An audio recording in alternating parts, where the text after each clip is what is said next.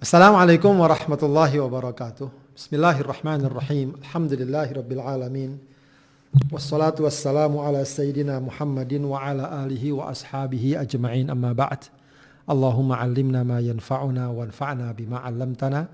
Allahumma zidna ilman nafi'a wa amalan mutaqabbala. Uh, sahabat sekalian yang dimuliakan Allah Subhanahu wa taala, alhamdulillah selamat berjumpa kembali dalam kajian rutin kita. Semoga pertemuan kita, kajian kita diberkahi dan diridhoi Allah Subhanahu wa taala. Kita akan lanjutkan kajian kita membahas uh, tafsir surat Yasin ya. Uh, yang kita rujuk dari uh, salah satu kitab tafsir yang menjadi referensi dan maraji dalam kajian Islam yaitu tafsir Al-Jalalain. Ya, tentu saja juga kita menggali hikmah dan pelajaran dari uh, tafsir surat Yasin ini.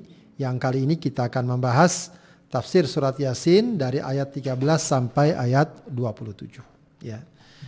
Kita baca ayatnya. A'udzubillahi minasyaitonirrajim. Bismillahirrahmanirrahim. Wadrib lahum mathalan ashabal qaryati id ja'ahal mursalun id arsalna ilaihim itsnaini fakadzabuhuma fazzazna bithalithin faqalu inna ilaikum mursalun qalu ma antum illa basyarum mithluna wa ma anzalar rahmanu min syai in antum illa takdzibun qalu rabbuna ya'lamu inna ilaikum lamursalun wa ma alaina illa al balagul mubin qalu inna tatayyarna bikum la illam tantahu lanarjumannakum wa la yamassannakum minna A'in dhukkirtum bal antum qaumun musrifun. Wa jaa min aqsal madinati rajulun yas'a qala ya qaumi ittabi'ul mursalin. Ittabi'u man la yas'alukum ajra wa hum muhtadun. Wa ma liya la a'budu alladhi fatarani wa ilayhi turja'un. Attakhidhu min dunihi alihatan. In yuridni ar-rahmanu bidurrin la tughni anni la tughni anni syafa'atuhum syai'aw wa la yunkidhun. Inni idzal fi dhalalin mubin. Inni amantu bi rabbikum fasma'un. Qila dkhulil jannah. Qala ya laita qaumi ya'lamun bima ghafara li rabbi wa ja'alani minal mukramin. Ya. Ini uh, surat yasin dari ayat 13 sampai 27 ya, kita akan baca uh, apa namanya uh, ayat uh, sejumlah ayat atau uh, sekelompok ayat dari ayat 13 sampai ayat uh, 19 ya. Wadrib lahum ya, wadrib ay ij'al lahum mathalan. Ya, maksudnya wadrib di sini bukan dipukul ya doroba yadribu idrib ya, tapi maksudnya adalah Allah katakan jadikan bagi mereka mathalan ya. Mathalan perumpamaan Ya, ini uh, kita sudah pelajari ayat sebelumnya bagaimana Rasulullah SAW diutus oleh Allah dengan Al-Quran untuk menyampaikan ajaran kepada umatnya khususnya kaum kafir Quraisy ketika itu atau kaum Quraisy ketika ketika itu. Ya, untuk menyerukan penghambaan beribadah kepada Allah meyakini Rasulullah kemudian uh, meyakini kitab-kitab Allah Subhanahu wa taala agar mereka beramal untuk hari akhir dan seterusnya Ya. Nah, uh, Allah perintahkan uh, untuk menjadikan ya, kisah umat terdahulu sebagai contoh, sebagai pelajaran. Wadrib lahum mathalan. Ya. Jadikanlah mereka, ya, eh bagi mereka, mathalan satu perumpamaan, ini maf'ul awal, ya, maf'ul thaninya ashabal qaryah ya. Yaitu siapa? Ya. Sebagai perumpamaannya ashabal qaryah. Penduduk satu negeri satu kampung. Para ulama mufassir uh, umumnya menyatakan yang dimaksud Korea di sini adalah sebuah negeri yang bernama Antokia ya uh, yang sekarang uh, menjadi bagian dari negara Turki. Ya.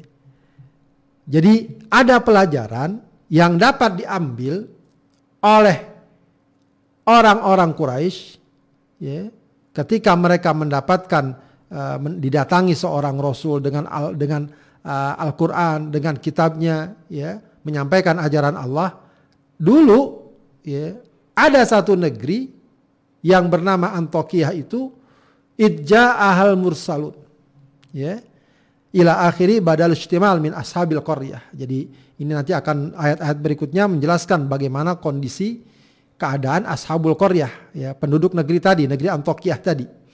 Ya. Yaitu saat datang kepadanya kepada mereka al mursalun. Ya, jadi sebuah negeri Antokiyah penduduknya ya didatangi oleh al mursalun, orang-orang yang diutus. Ya, umumnya para ulama tafsir mengartikan uh, mursalun di sini adalah rusulu Isa, utusan atau boleh kita katakan pada zaman sekarang perwakilan Nabi Isa alaihissalam untuk menyampaikan dakwahnya di tengah masyarakat di tengah masyarakat. Jadi dia bukanlah para rasul tapi utusan atau perwakilan ya, atau bisa kita katakan juga murid-muridnya Nabi Isa yang ditugaskan untuk menyampaikan dakwah di negeri Antioquia tadi. Begitu ya. Ada yang mengatakan ini juga yang inilah yang juga termasuk hawariyun Nabi Isa. Ya, sahabat-sahabat terdekat Nabi Isa alaihissalam. Ya, jadi mereka diutus ke negeri Antioquia itu untuk apa? Untuk menyampaikan ajaran Allah, menyampaikan tauhidullah, penghambaan kepada Allah, ajaran untuk menghamba kepada kepada Allah. Baik, id arsalna ilaihi musnaini ya. Uh, ini id ini dikatakan ila akhiri badal min id al ula ya. Id ja'aha ya ketika datang pada mereka utusan Nabi Isa.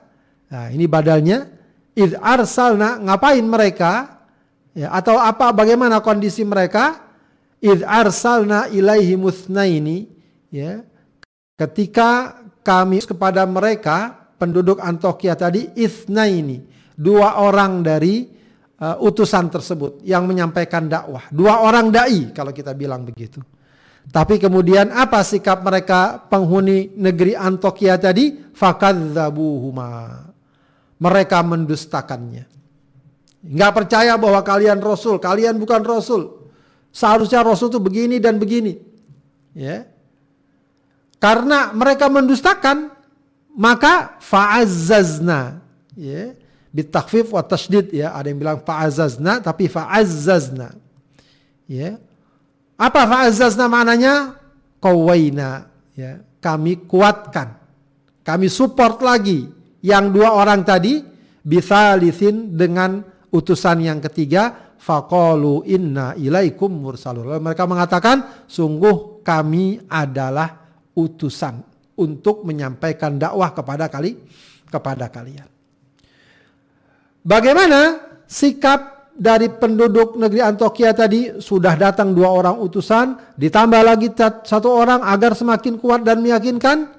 Apa jawaban mereka? Qalu ma antum illa basyarum mithluna. Mereka berkata, ma antum illa basyarum mithluna. Tidaklah kalian ini kecuali bashar, manusia seperti seperti kita. Wa ma anzalar rahmanu min syai' ya dan sesung dan tidaklah Ar-Rahman Ar-Rahman di sini Allah Subhanahu wa taala menurunkan sesuatu. In antum illa takdibun. In di sini maknanya bukan ketika tapi ma. Ma antum illa takdibun. Tidaklah kalian kecuali kalian berdusta atau boleh kita artikan kalian ini hanyalah para pendusta. Jadi mereka menolak mengakui bahwa ini adalah utusan Nabi Isa, ya, uh, para dai, ya, sebab mereka mengatakan ya, kalian manusia seperti kita. Ya. Rupanya mereka ini maunya yang ngajak berdakwah, yang ngajak beribadah, tunduk pada Allah adalah malaikat. Kalau malaikat kita mau, kalau manusia enggak, ya, sama-sama manusia. Ngapain kita ikut kalian? Kalian pendusta, gitu. Ya, kurang lebih pengingkaran dan penolakan warga Antioquia. Qalu rabbuna ya'lamu. Mereka nih, para utusan tadi mengatakan rabbuna ya'lamu. Tuhan kami mengetahui. Ya, di sini oleh mufasir dikatakan jari jarin majrol qasam wazida bihi bilam ala ma qablau li ziyadatil inkar. Ya, ucapan rabbuna ya'lamu ya, itu uh, apa namanya? memiliki kedudukan yang sama seperti kosam. Kosam itu sumpah. Artinya seakan-akan mereka mengatakan demi Allah. Allah tahu bahwa kami adalah para utusan tadi. Ya, ditambah lagi dengan lam, ya, lam taukid, li ziyadatil inkar untuk uh, menambah ya pengingkaran ya, atau apa namanya karena uh, adanya pengingkaran yang berlebih dari mereka. Jadi untuk memastikan bahwa pengingkaran mereka itu nggak benar karena demi Allah sungguh bahwa mereka ini adalah utusan para nabi, utusan Nabi Isa, para dai yang diutus untuk menyampaikan ajaran Allah Subhanahu wa taala. Ya, maka mereka mengatakan wa ma alaina illal balagul mubin. Ya, dan kewajiban kami wa ma alaina illal balagul mubin tak lain hanyalah menyampaikan dengan jelas ya menyampaikan pesan-pesan para nabi yang merupakan ajaran Allah sejelas mungkin kepada umat manusia. Ai at-tabligha ya uh, at-tabligh adh-dhahir bil adillatil wadihah. Ya. Bil uh, at-tabligh adh-dhahir bil adillatil wadihati wa hiya ibra'ul akmah wal abras wal marid wa ihya'il mayit. Ya. Menyampaikan ajaran dengan jelas dengan dalil-dalil dan bukti-bukti yang jelas. Jadi mereka ini memiliki keistimewaan yang juga merupakan mukjizat Nabi Isa. Ya, mereka dapat menyembuhkan orang yang sakit, orang yang belang, orang yang apa namanya eh, yang menderita sakit dan menghidupkan orang ma menghidupkan orang mati. Ya, udah jelas dalilnya, ya, apa buktinya, tapi ya begitulah kalau hidayah tidak masuk dalam diri seseorang. Mereka, ya eh, penghuni negeri Antioquia tadi masih juga memperlihatkan ya pembangkangannya. Mereka katakan apa? Qalu inna tatayyarna bikum. Mereka berkata inna tatayyarna bikum. Tatayyarna ay tasya'amna. Ya, tasyaum. Tasyaum ini uh, sebuah uh, apa namanya? kepercayaan akan datangnya kesialan atas sesuatu yang dia lihat, dia alami, dia hadapi. Itu namanya tatayyur. Tatayyur itu perasaan bernasib sial. Ya, kalau di tengah masyarakat kita misalnya ada melihat ular lalu dia berpikiran bakal sial, mimpi ini mimpi itu bakal datang sial, itu namanya tatoyur. Nah, mereka ini penduduk Antokia ini mengatakan kami merasa sial dengan datangnya kalian, aibikum. Lin kita ilmator anna bisababikum. Pas ketika itu hujan lama tidak turun. Mereka kira atau mereka tuduh merekalah ini utusan-utusan ini yang menjadi sebab tidak turunnya hujan. Lain lam tantahu nakum. Ya. Lain, eh, la di sini lamul kosam. Lam, lam kosam. Sumpah. Ya. Sumpah. Sungguh atau demi Allah. Lain lam tantahu nakum. Kalau kalian tidak berhenti menyampaikan dakwah ini, nakum akan kalian tim akan kami tumpuk kalian bil hijaro dengan batu. nakum minna adzabun alim dan kami akan timpakan pada kalian azab yang pedih. Azab di sini maksudnya siksaan. Kalau kalian, wahai para dai, para utusan Rasul yang selama ini menyampaikan ajaran Allah, kalau nggak berhenti berdakwah, kami akan timpuk kalian dengan batu. Dan kami akan siksa kalian. Itu intimidasi, itu ancam, ancaman. Tapi apa jawab para utusan ini? Qalu ta'irukum ma'akum. Ya, mereka berkata, justru rasa sial atau kepercayaan sial itulah yang ada pada kalian. Bikufrikum Ya, jadi uh, kesialan itu sesungguhnya ada pada kalian. Kenapa? Bikufrikum. Sebab kekufuran kalian. Ya. Ain dzukirtum bal antum kaumum musrifun. Ya. Ini uh, hamzah istifham. Ya. Uh, apa namanya dakhalat ala anna syartiyah wa fi hamzatiha at-tahqiq wa tasil wa idkhali alif bain bainaha biwajhaiha wa bainal ukhra Dibacanya itu bisa ain, bisa ain. Ain dzukirtu. Tapi yang biasa dibaca adalah a, ain. Baik. Ain dzukirtum ya, hamzah di sini adalah ya, uh, hamzah istifham. Ya. Uh, apakah ya, jika kalian ditakut-takuti atau dinasehati ya, dikasih nasihat, diperingatkan nanti kalau kamu tidak beriman akan resikonya begini, begini, begini. Ain dzukirtum bal antum kaumum musrifun. Ya, tapi ya, kalian ini tak lain merupakan kaum yang melampaui batas mutajawizunal hudud ya atau had bisyirkikum ya kalian telah melampaui batas dengan perbuatan syirik kali syirik kalian. Ya, ini uh, apa namanya yang dapat kita baca dari uh, tafsir uh, Al-Jalalain. Baik, uh, dari ayat-ayat di atas sahabat sekalian, ya, apa yang dapat kita ambil pelajarannya? Ya, pertama adalah bahwa salah satu metode dakwah atau pendidikan adalah mengambil pelajaran dari peristiwa lalu. Allah Subhanahu wa taala setelah menjelaskan uh, tuntutan untuk beriman kepada Rasul, kepada Al-Quran, kepada hari kiamat, ya mengajak umatnya untuk beriman. Allah Subhanahu Wa Taala ya kemudian e, memerintahkan Rasulullah untuk mengambil pelajaran disampaikan kepada umatnya terkait dengan umat-umat terdahulu. Di sini disebutkan ashabul qaryah. Bagaimana mereka ketika didatangi oleh para dai, utusan para nabi untuk beriman kepada Allah Subhanahu wa taala ya mereka kemudian membangkang, menentang dan seterus dan seterusnya.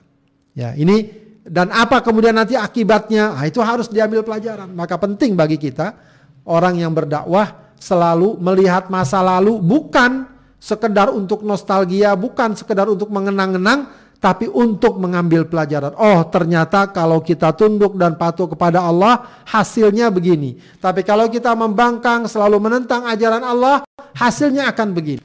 Ya, sebab uh, walaupun ini disebutkan sebagai perkara sosial, tapi ada sunnatullah yang terus berlaku dalam kehidupan sosial.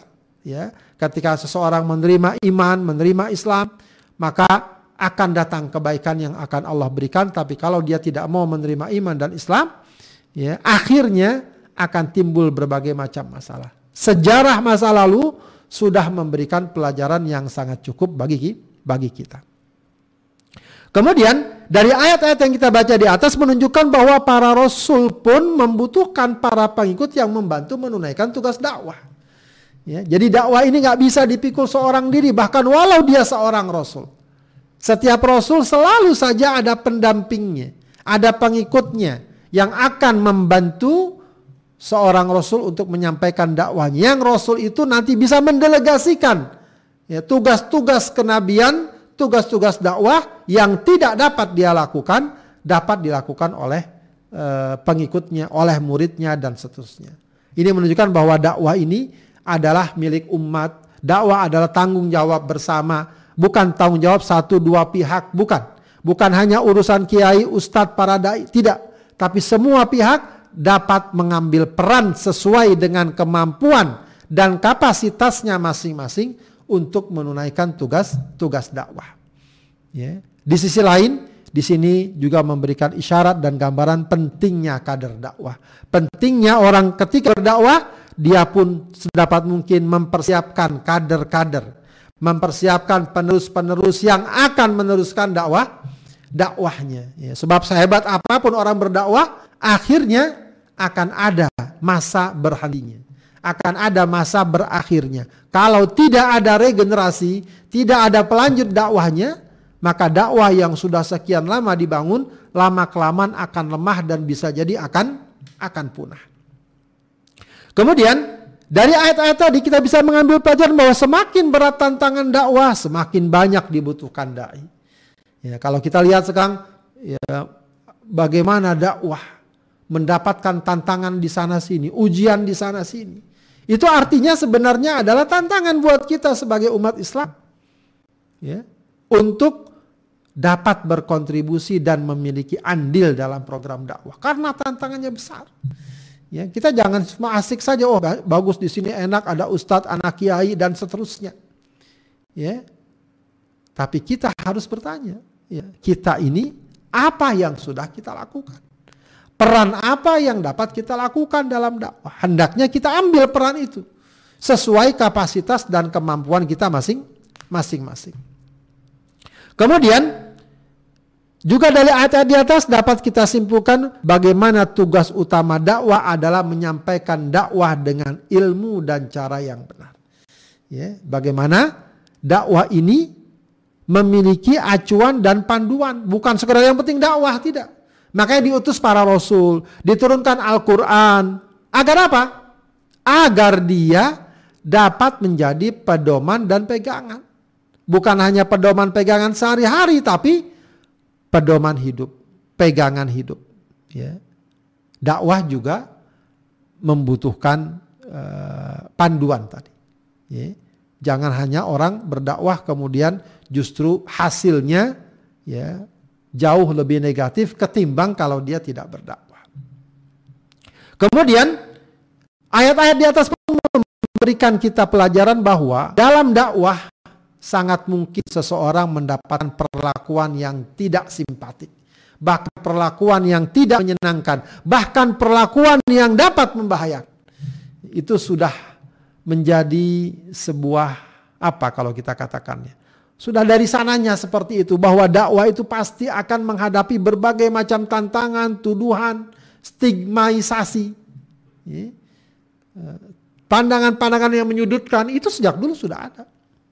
Ya, mereka penghuni Antokia itu mengatakan uh, apa namanya?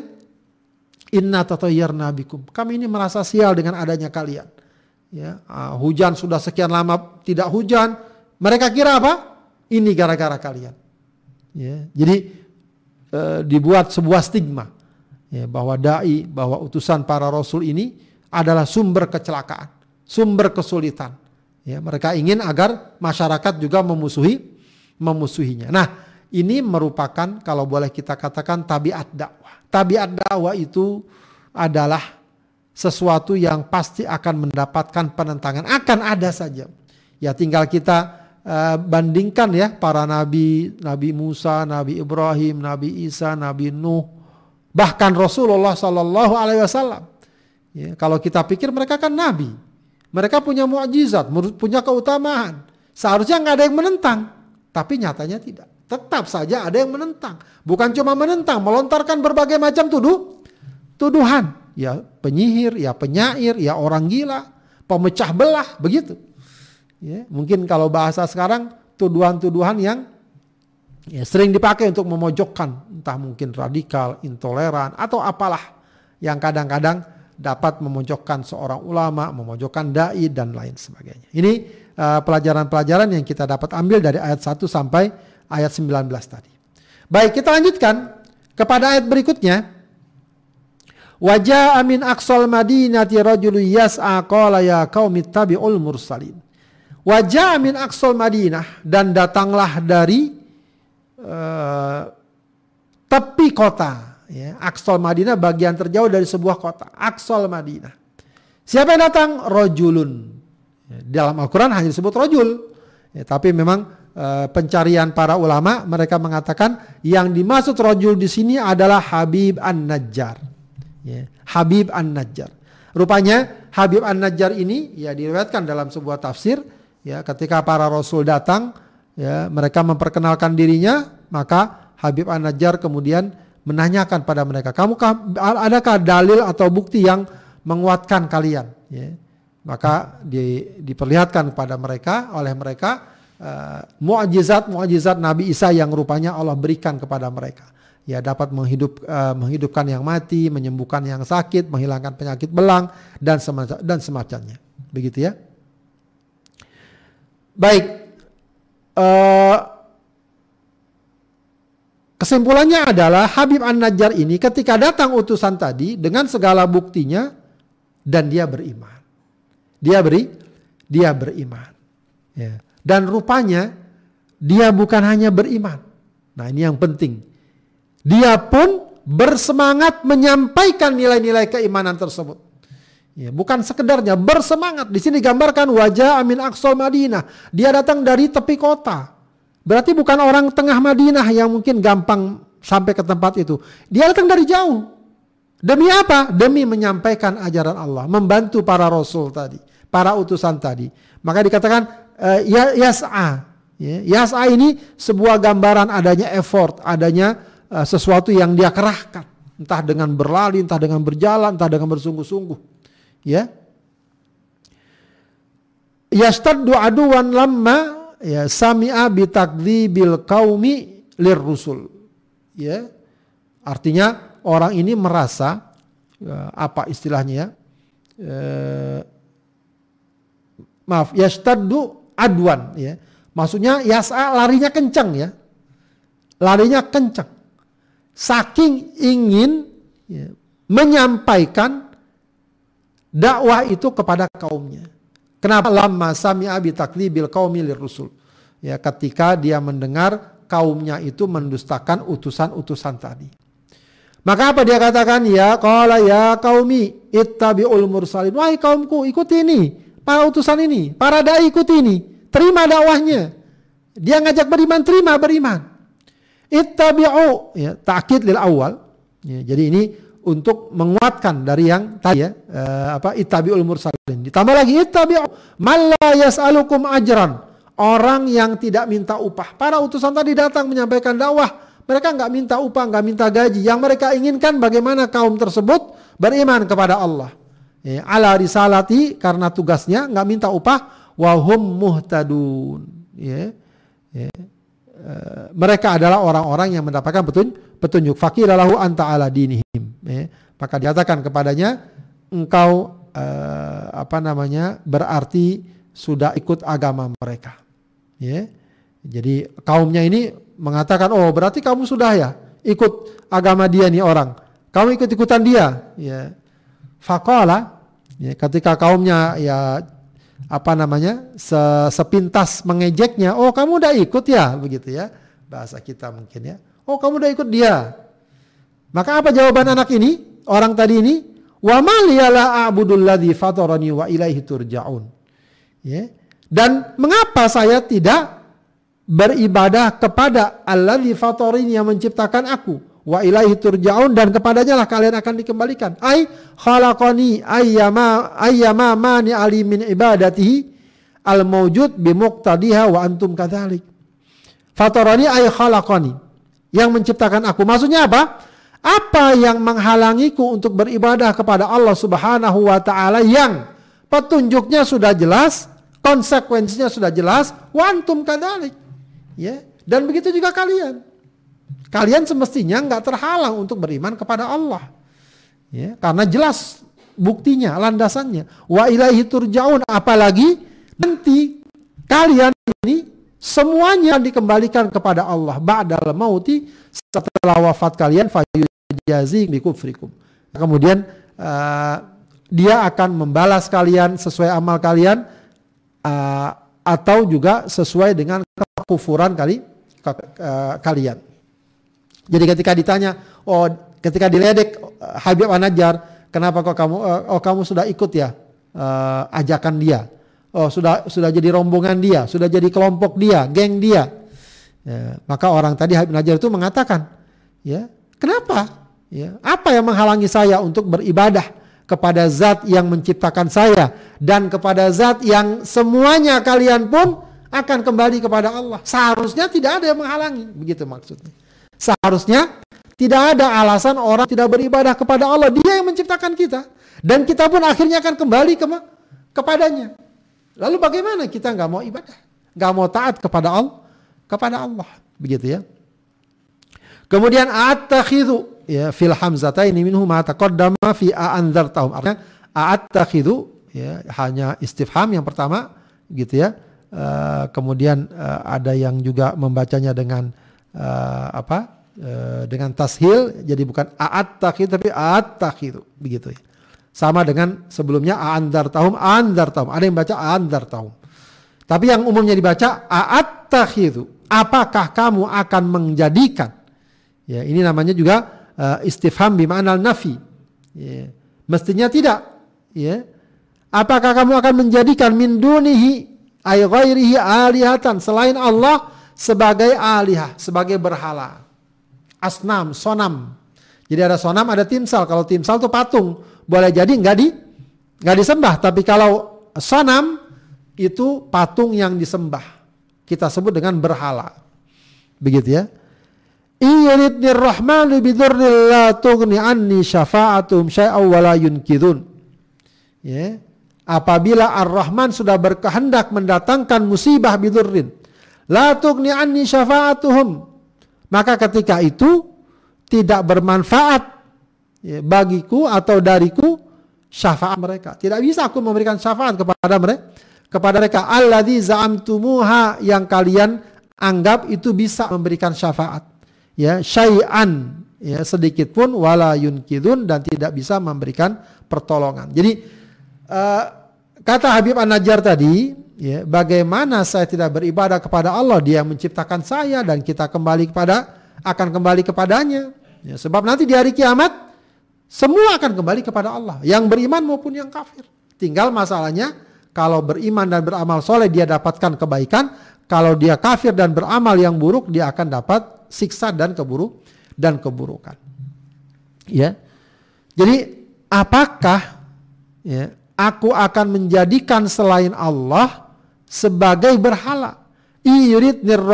Bidurril tughni anni yang yang kalau seandainya Allah turunkan bahaya maka tidak bermanfaat syafaat mereka kepadaku. Syafaat mereka apa maksudnya? Syafaat manusia-manusia yang boleh jadi di dunia dihormati, diagungkan, di akhirat tidak tidak tidak bisa. Tidak akan berguna sedikit pun. Ya, kalau di Indonesia atau di di di dunia kita ada masalah, ya mungkin kita punya kenalan, kenalan kita punya kenalan, ternyata orang berwenang, tolong bantu dia dong untuk atasi saya.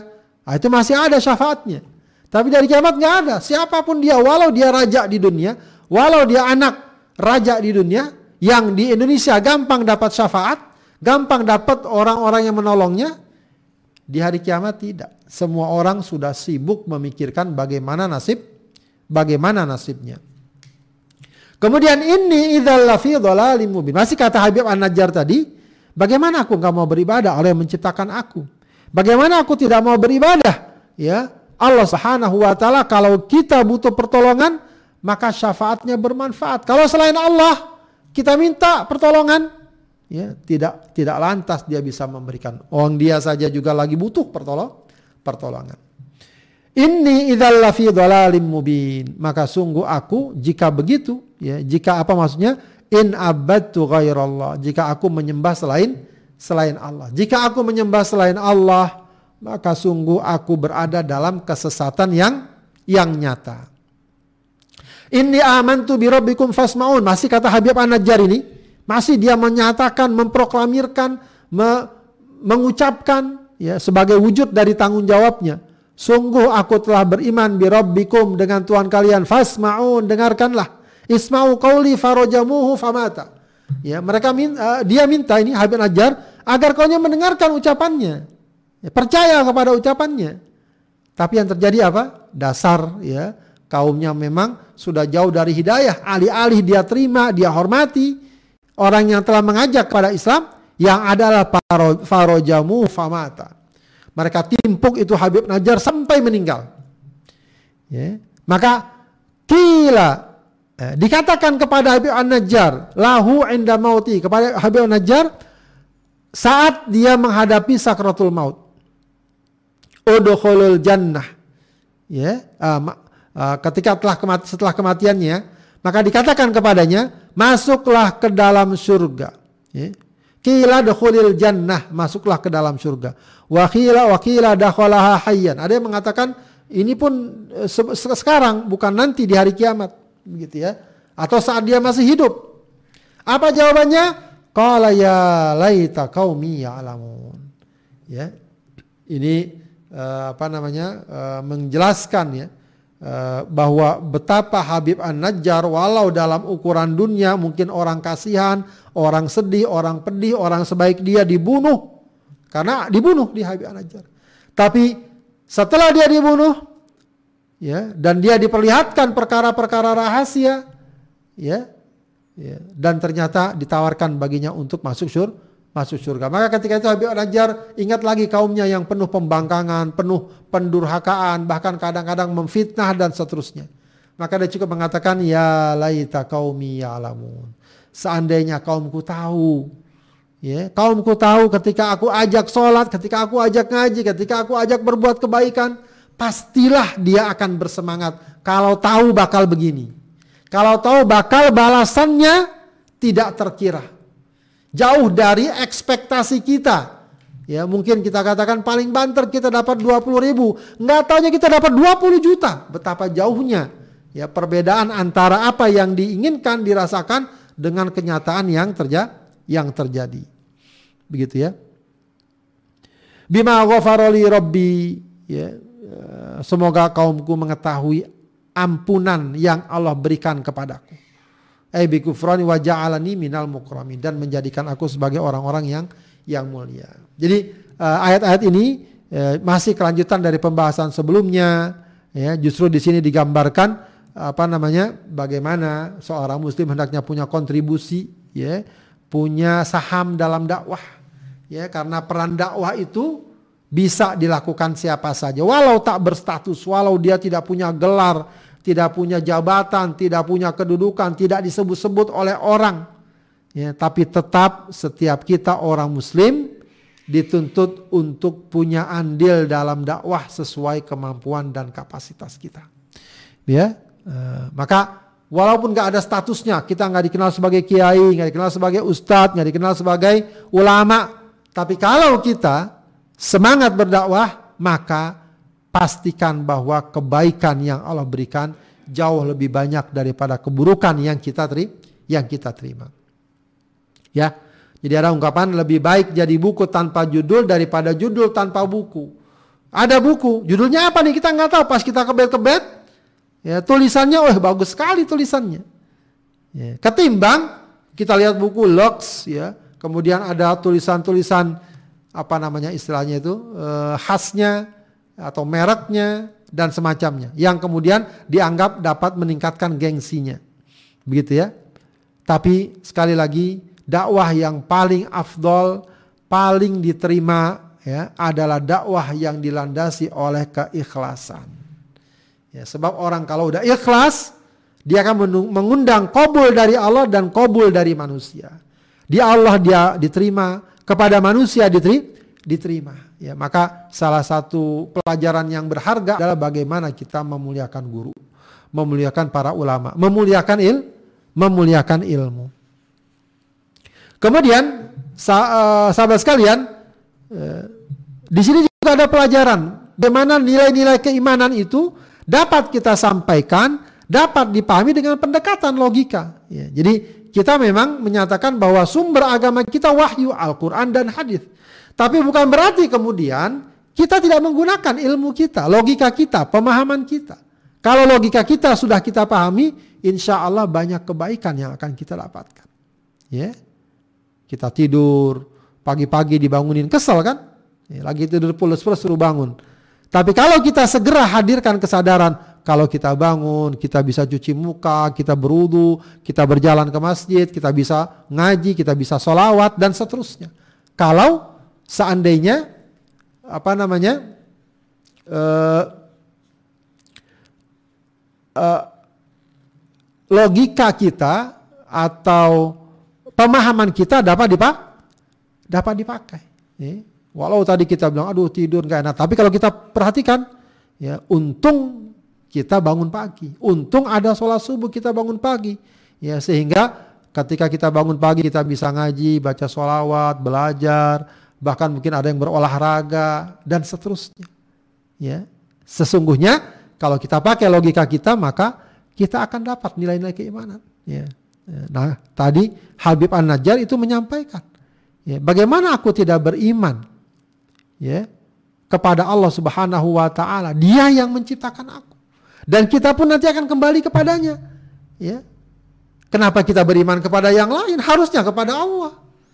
Harusnya kepada kepada Allah. Sementara ini juga yang ngajak, dia tidak tidak pengen apa-apa. Yang mereka inginkan kita selamat. Kita ini ibarat orang yang ada di tepi jurang, lalu ada orang yang ngajak kita ke sini jangan ke situ. Kalau orang pakai logika, harusnya kita sambut panggilan tersebut karena depan kita jurang. Ya. Iya, itu logika-logika yang logika-logika yang sangat sederhana yang dapat membantu kita untuk menerima keimanan kepada Allah Subhanahu wa taala. Kemudian uh, pelajaran lain yang juga sangat penting dari uh, tafsir surat Yasin ini adalah bahwa mau tidak mau, ya, suka atau tidak suka, ketika kita berdakwah pasti di sana ada resiko. Pasti di sana akan ada konsekuensi yang akan kita tanggung. Tergantung tingkatannya, ya, tergantung objek dakwahnya. Ya, kadang-kadang ada yang enak sih, ya, sudah dakwahnya disambut, oh, ya hadir ratusan, ribuan, bahkan puluhan ribu dan seterusnya. Wah, itu adalah karunia Allah yang Allah berikan pada dia. Tapi jangan bagi kita kemudian uh, merasa lemah, merasa berat. Ya, baru ada satu orang, dua orang yang mungkin uh, memberikan respon yang negatif, kadang memfitnah, kadang menuduh, ya. Itu semua jangan sampai menyurutkan dakwah kita.